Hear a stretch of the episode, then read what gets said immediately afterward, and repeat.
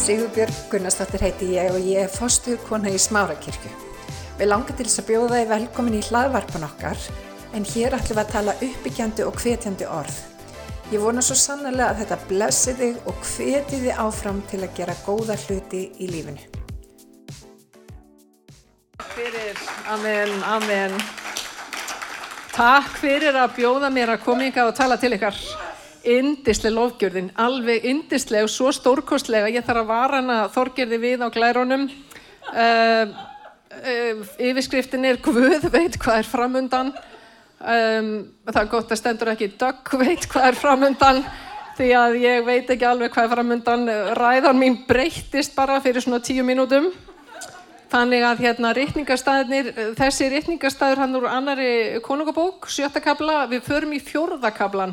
Við ætlum að tala um Elísa en við ætlum að tala um aðra sögu. Það, heldur ekki þessi. Nei, nei, nei, nei, nei, nei. Ég veit ekkert hvers þetta leiður okkur. Sjáu þið þetta? Já. Heyrðu, við skulum bara byggja. Jésús, ég þakka þér fyrir að þú ert hér. Ég, og ég býð þig velkomin. Og ég byrð þess að dyrðin þín verði ofinbyr hér í dag. Og ég þakka þér fyrir heila og randi að þú ert hér. Ég þakka þér fyrir að þú ert komin til þess að mæta fólki hér í dag. Og ég þakka þér fyrir hvernig þú mætir okkur jafnvel á einhvern hátt sem við báðum ekki um eða við vissum ekki einu svona við þyrtum á að halda. Þú bara opnar kannski einhver laungu, glemd og grafin mál og þú læknar sár.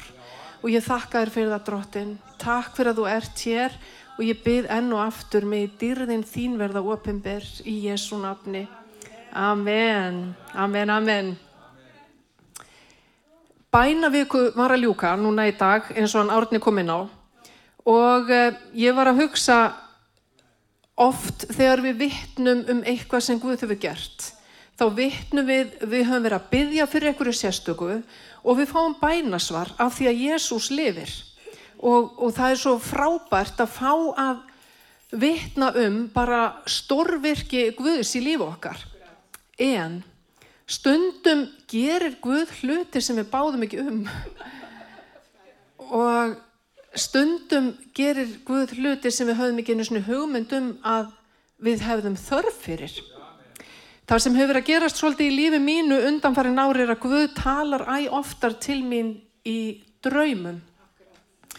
Og það geta verið viðvaranir og það geta verið áminningar og, og alls konar leiðsögn og huggun og aftur og aftur þá hefur hann varað mig við ef það hefur orðið einhver eh, svona klemma eða áreikstur í vinnunni eða það er eitthvað framundan þá varar hann mig við. Einu sinni var ég í félagskap þar sem kom upp svona ákveðin ágreiningur sem að búið að reyna að leysa aftur og aftur og hann eitthvað nefnir leistist ekki.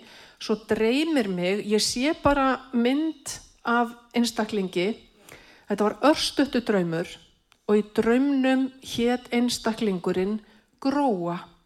Og fyrir ykkur sem eru, eru að verða hundra ára eins og ég, þá þekkiði gróa og leiti. Gróa og leiti var sögupersona sem talaði yllum fólk, hún kom af stað yllindum, hún var svona undiróðurskona og ég, þegar ég sá mynd af þessum einstaklingi og, og ég vissi alveg þessi einstaklingur hétt ekki gróa þá hugsaði ég ok, þarna, þarna liggur eitthvað. Og ég ákvaði að segja frá þessu í, þessum, í þessum félagskap þar sem ég var. Þá segi ég frá því hvað með hefur dreymt. Án þess að nefna neinn nöfn og ég nefndi aldrei neinn nöfn eða þú veist, ég, ég sagði aldrei frá því hvaða einstaklingur þetta var. En það merkilega gerðist var að það voru miklu fleiri heldur en gróa en að gæsa lappa sem tókuðu þetta til sín. Þannig að þetta hreyfiði við miklu fleirum.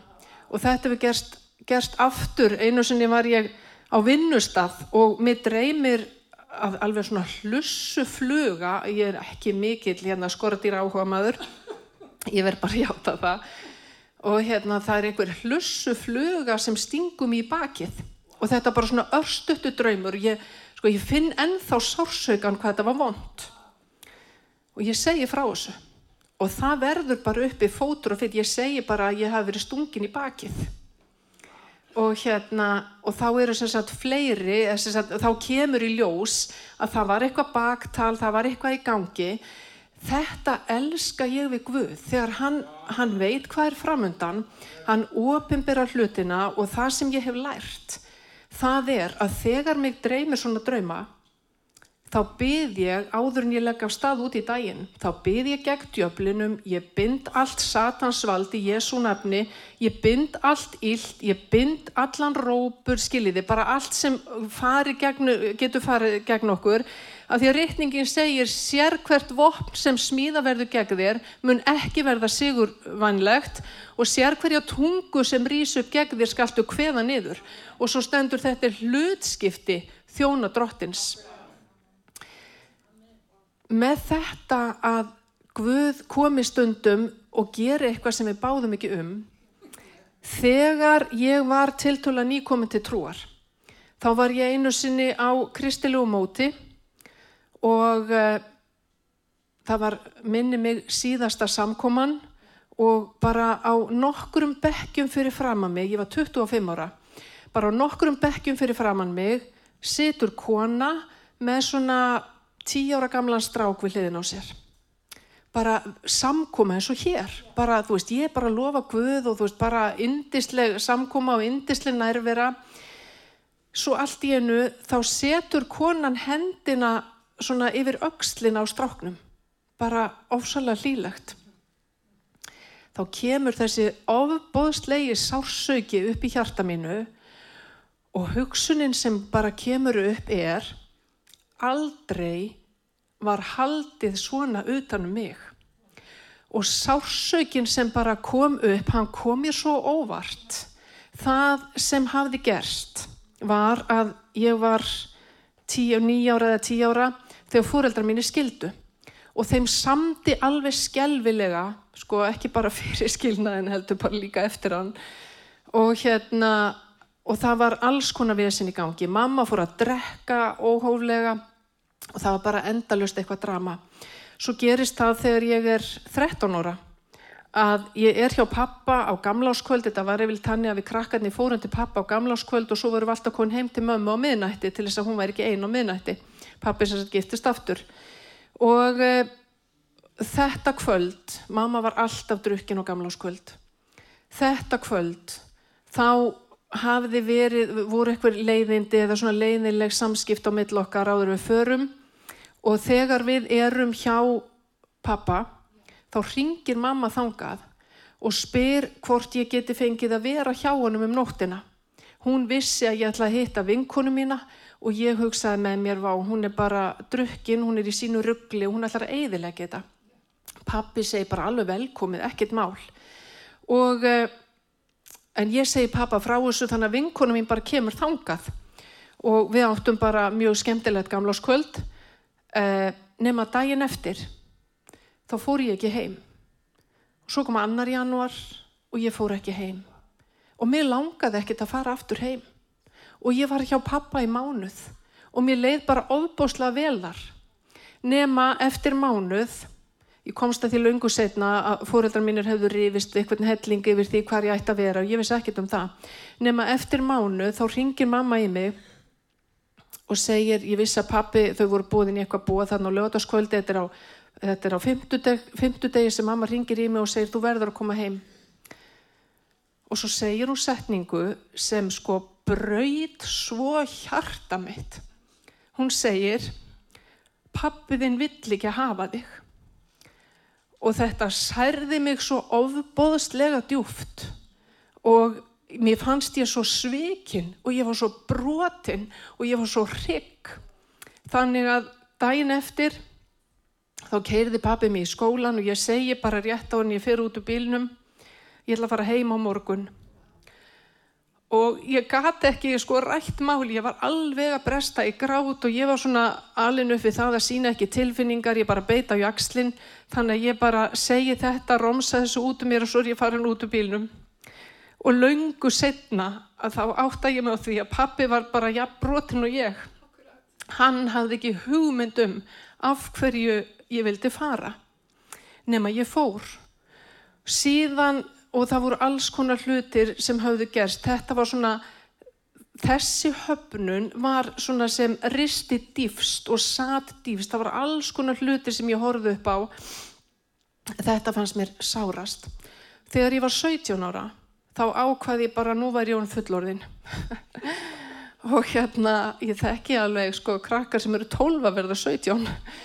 En hérna, þannig að ég í rauninni bara ákvað að foreldra mínir hefðu bara alið mig upp eftir því vitir sem þeim var gefið og ég yrði bara fyrirgefa það. Ef ég hefði eitthvað út á það að setja þá bara yrði bara að hafa það. Og þannig að ég svona bara pakkaði öllum sáru tilfinningunum mínum djúft ofan í hjartað og svo bara læsti ég og hendi liklinum og ég ætlaði aldrei að hugsa um þetta meir og ég er búin að læra það síðan að það eru svo ofbóðustlega margir sem eru að glýma við alls konar gömul sár og gamlar byrðar og, og svo koma bara nýjar byrðar af því að lífið heldur áfram. Og það er svo mikilvægt að hleypa Guði inn í þetta. Og þegar ég sitt á þessu móti 25 ára ekki búin að hugsa um þessa hluti í, nokkuð mörg ár þá kemur allt í hennu þessi ofbóðslegi sársöki þegar bara kærleiksrík móðir setur hendina utanum axlirnar á drengnum sínum kemur þessi sársöki og ég hugsa að það var aldrei haldið svona utanum mig. Og þarna bara rennur upp fyrir mér að ég á eitthvað óuppgert. Þarna rennur upp fyrir mér að það er eitthvað sem ég verð að tala við einhvern um. Og ég fer og hitti konu sem var aðeins eldra en ég og, og konu sem ég treysti og ég fer svona að segja hennu undan og ofan að þessu og hún segir kondi heimsók til okkar í kvöld eða annað kvöld eða eitthvað svona, við, við spjöllum við þig. Og ég geri það, ég heimsækja hana og ég teka einn vinn minn með mér og þar fer ég í gegnum þessa sögu. Ég hafði aldrei nokkuð tíman á æfiminni grátið fyrir framann fólk fyrir utan bara þegar ég var kannski á leikskóla aldrei eða eitthvað svo leis ég var ofbóslega lokuð og ég átti bara alveg ofbóslega erfitt með að sína tilfinningar.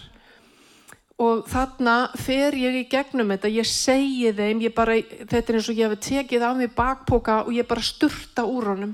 Og ég læt bara allt vaða og ég grét og ég grét og ég grét og ég döð skammaðist mín fyrir það. Og hérna nema þau byggja fyrir mér vegna þess að sko þau auðvita þau gáttu ekki gert neitt, þau gáttu ekki komið með einhver hérna smirslið eitthvað en þau gáttu beðið.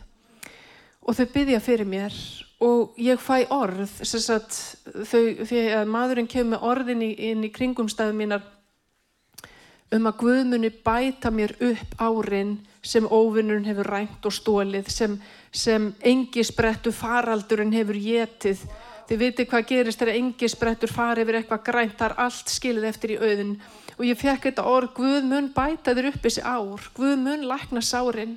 Og svo líða sennilega svona þrýr mánuðir.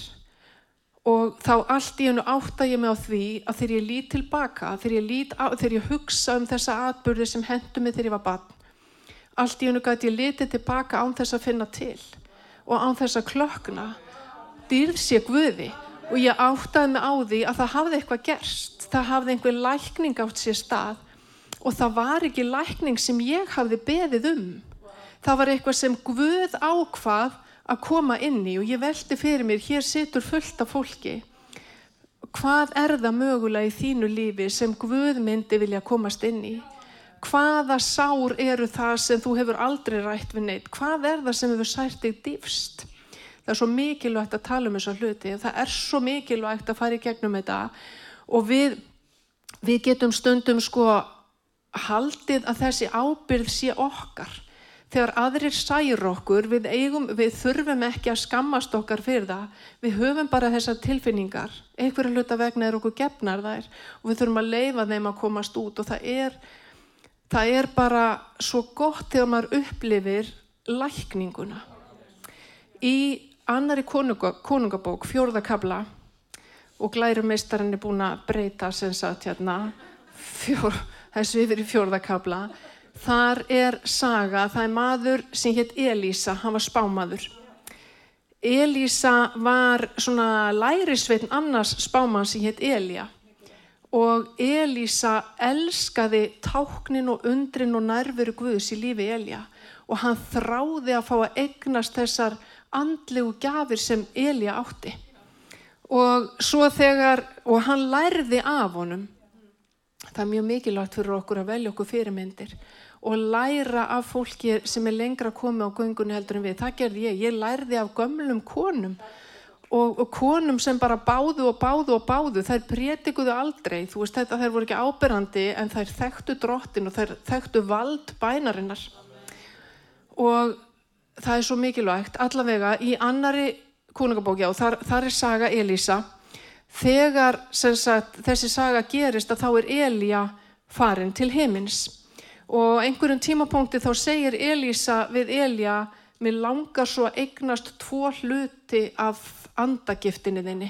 Mér langar að eiga það sem þú átt.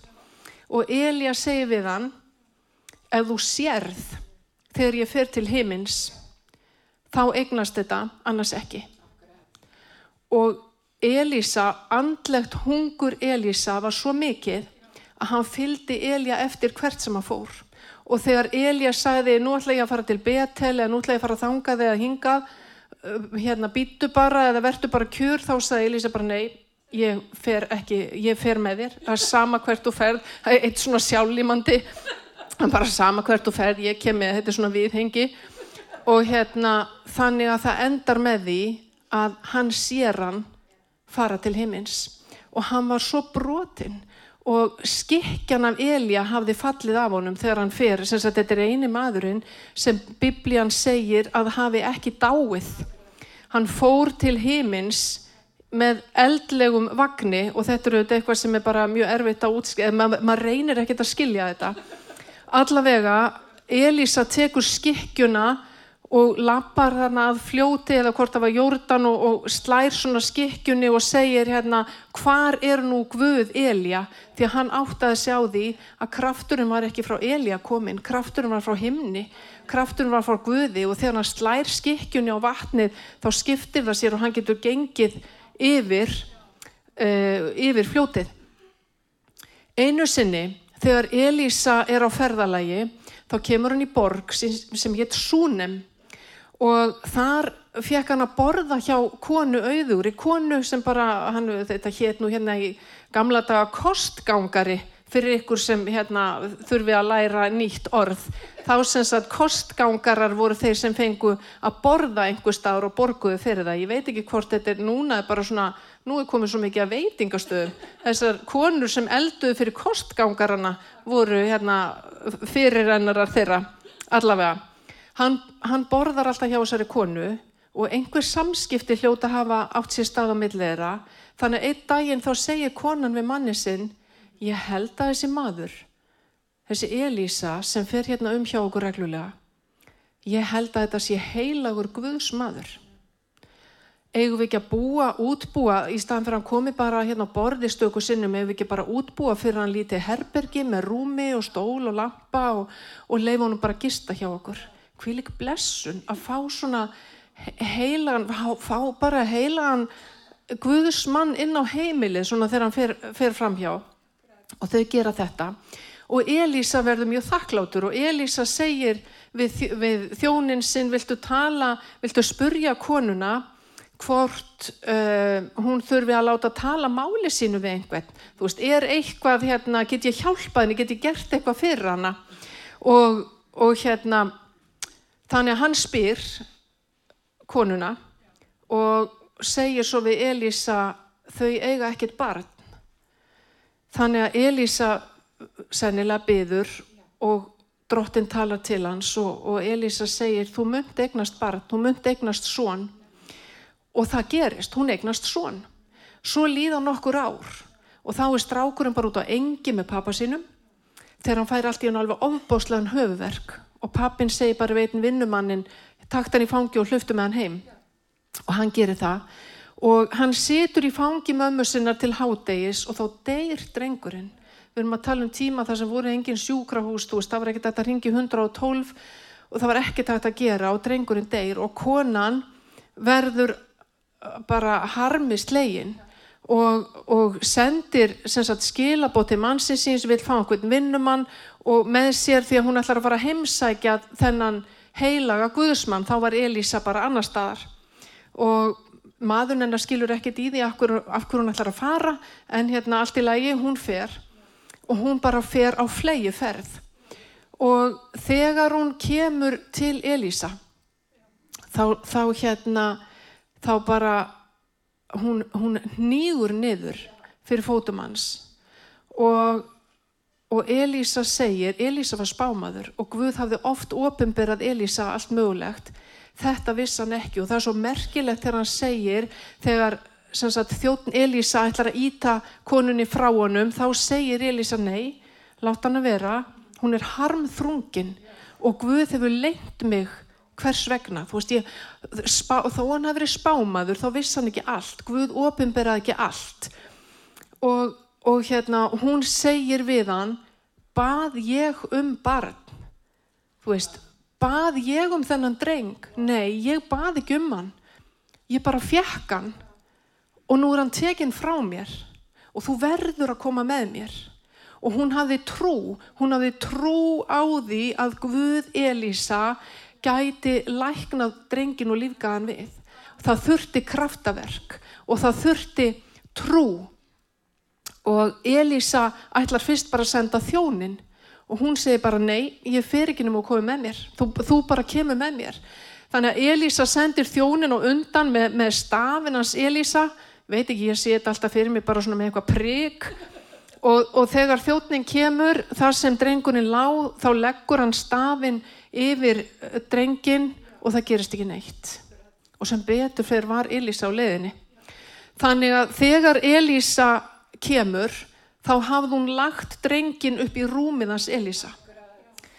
Og Elísa kemur og Elísa leggst ofan á badnið ég veit ekki hvort Elísa var bara léttur en hérna og, og barnið svolítið, já nei ég segi svona ég ætla ekki að fara snútur þessari vittleysu ekki vittleysu, en hérna en hann leggst ofan á hann og, og það er ekkert lífsmakt, það er stundum sagt þetta hafi verið fyrsta skipti sem lífi var blásið í einhvert sem var dáinn.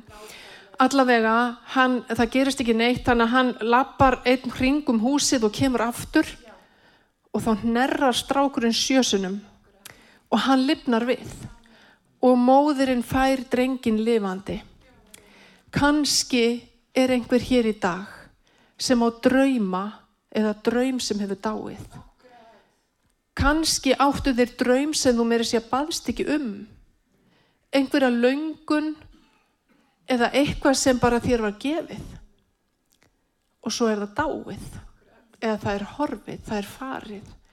Og þér finnst þú vera rænd eða rændur og sviftur þessu sem þú baðist ekki einu snið um en þú finnur til út af því. Jésús er hér. Jésús gerir ennþá kraftaverk. Jésús læknar, Jésús leysir og Jésús þekkir hjartasárin þín og hjartasárin mín. Bara rétt eins og þegar hann kom til mín, þegar ég var að stíga mín fyrstu skref og ég gerði mér enga grein fyrir því að ég þyrta á einhverju lækningu að halda. En Jésús kom og tók utanum mig og sagði ég er þinn. Þegar Jésús dó á krossinum á Golgata þá dó hann fyrir allar syndir okkar. Hann dó fyrir sjúkdóm okkar. Hann dó fyrir brostnar vonir. Hann dó fyrir sorgirnar og hann reys upp frá döðum og hann hefur vald til þess að blása lífi í gömlu drauman okkar. Hann hefur vald til þess að brjóta á bakaftur vald óvinnarins í lífi okkar. Og þegar einu sinni nippir Jésús í Pétur, Jakob og Jóhannes. Þessi saga er í 17. kapla Mattusar og 9. kapla bæði Lúkasar og Markusar. Þetta er sagan af ummyndunarfjallinu fyrir ykkur sem þekki þetta. Jésús segir einu svona við Pétur, Jakob og Jóhannes komið með mér upp á fjall. Þeir báðu ekki um það. Jésús segir bara komið með mér. Við skulum byggja saman, við skulum vera einir saman, við þurfum bara á því að halda. og ég veldi fyrir mér hvað gerir þú þegar Jésús nippir í þig og segir kontu afsýðis mér langar að tala við þig, já erindi við þig mér langar að komast inn í þitt líf og þeir fara upp á fjallið og þar sem þeir eru að byggja þá allt í hennu verður, verða fötinn sem Jésús í bara skínandi björt og, og það er ský sem kemur yfir þá og, og það, þeim byrtast Móse og Elja og þeir eru að tala við Jésu Móse og Elja voru laungu hornir á sjónasviðinu þegar þetta er. En þeir eru að tala við Jésu og um hvað eru þeir að tala? Þeir eru að tala um krossfestinguna þeir eru að tala um það stendur þeir eru að tala um burt fyrir Jésu sem hann átt að fullna í Jérúsalem hvað er það annað en krossfestingin? Þeir vissu fyrirfram hvað var að fara að gerast í lífi Jésu þeir vissu hvaða þrengingar byðu hans.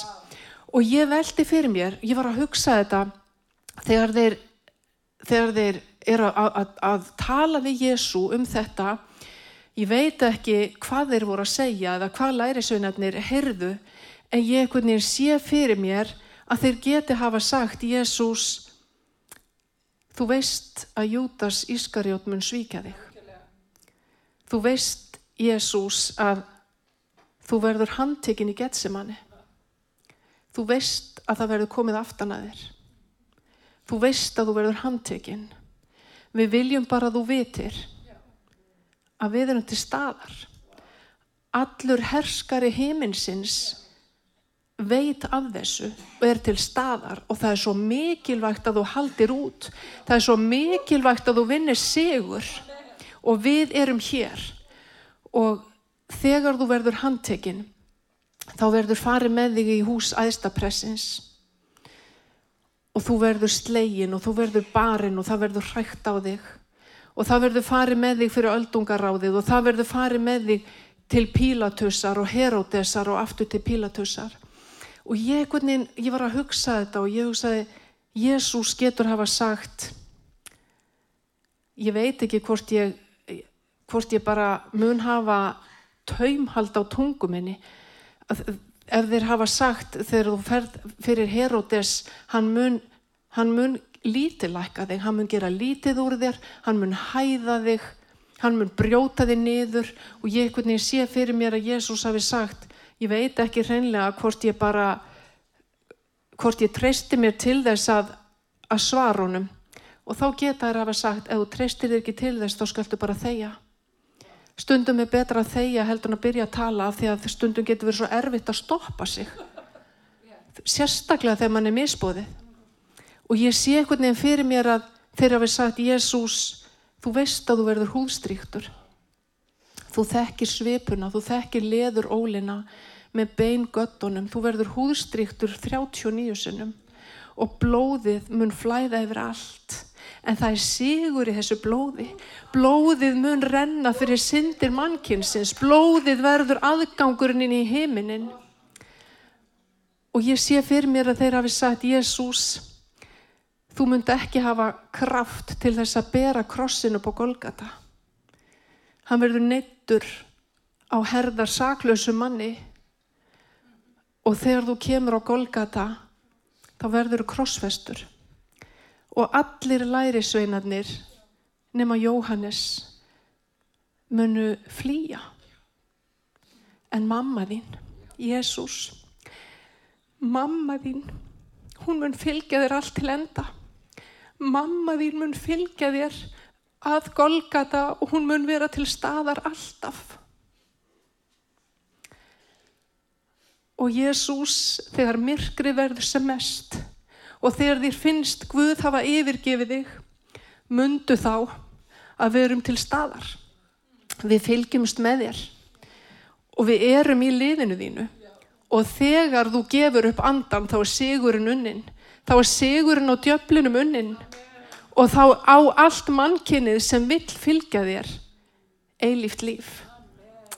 Og þú mundur ísa upp frá döðum Þegar þeir gengu niður á fjallinu þá rættu lærisveinarnir sín á milli um hvað væri að rýsa upp frá döðum.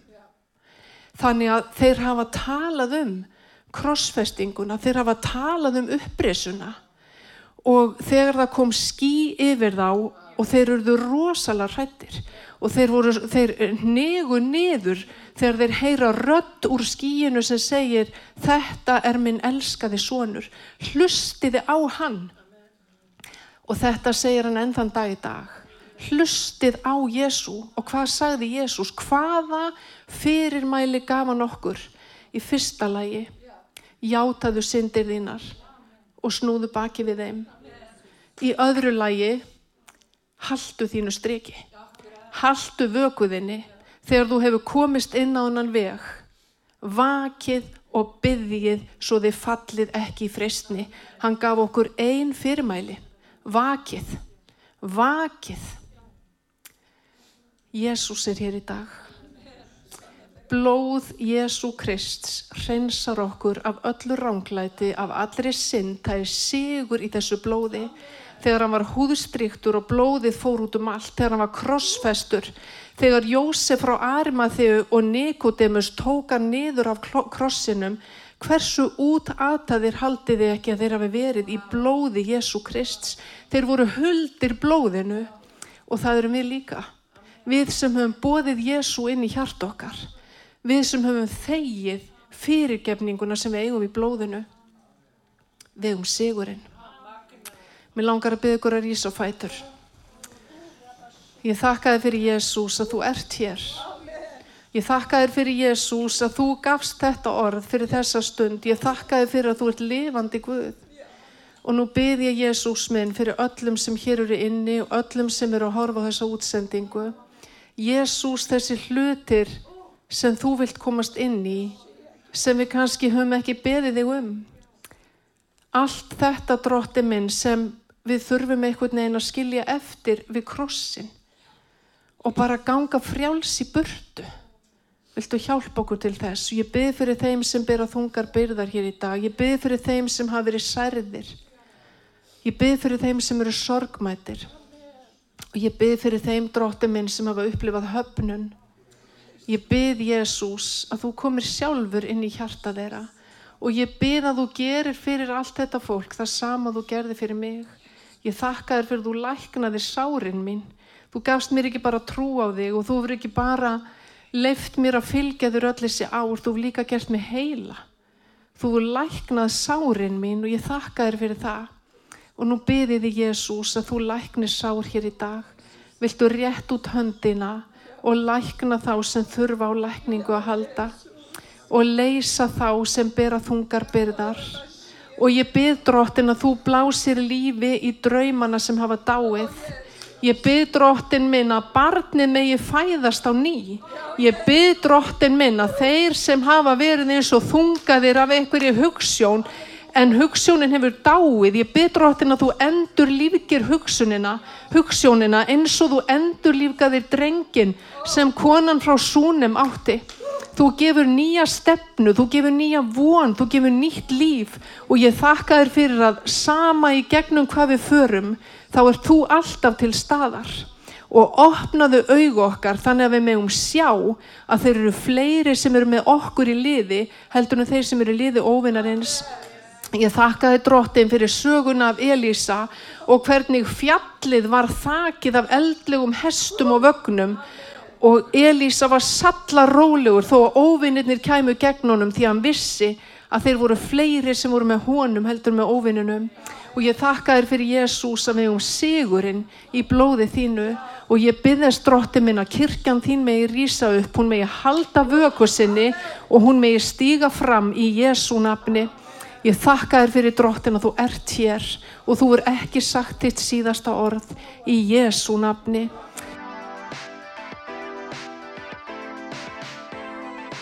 Hveti til þess að stilla inn á okkur með reglum hætti því að hér veru alltaf eitthvað nýtt á nálinni. Takk fyrir að hlusta.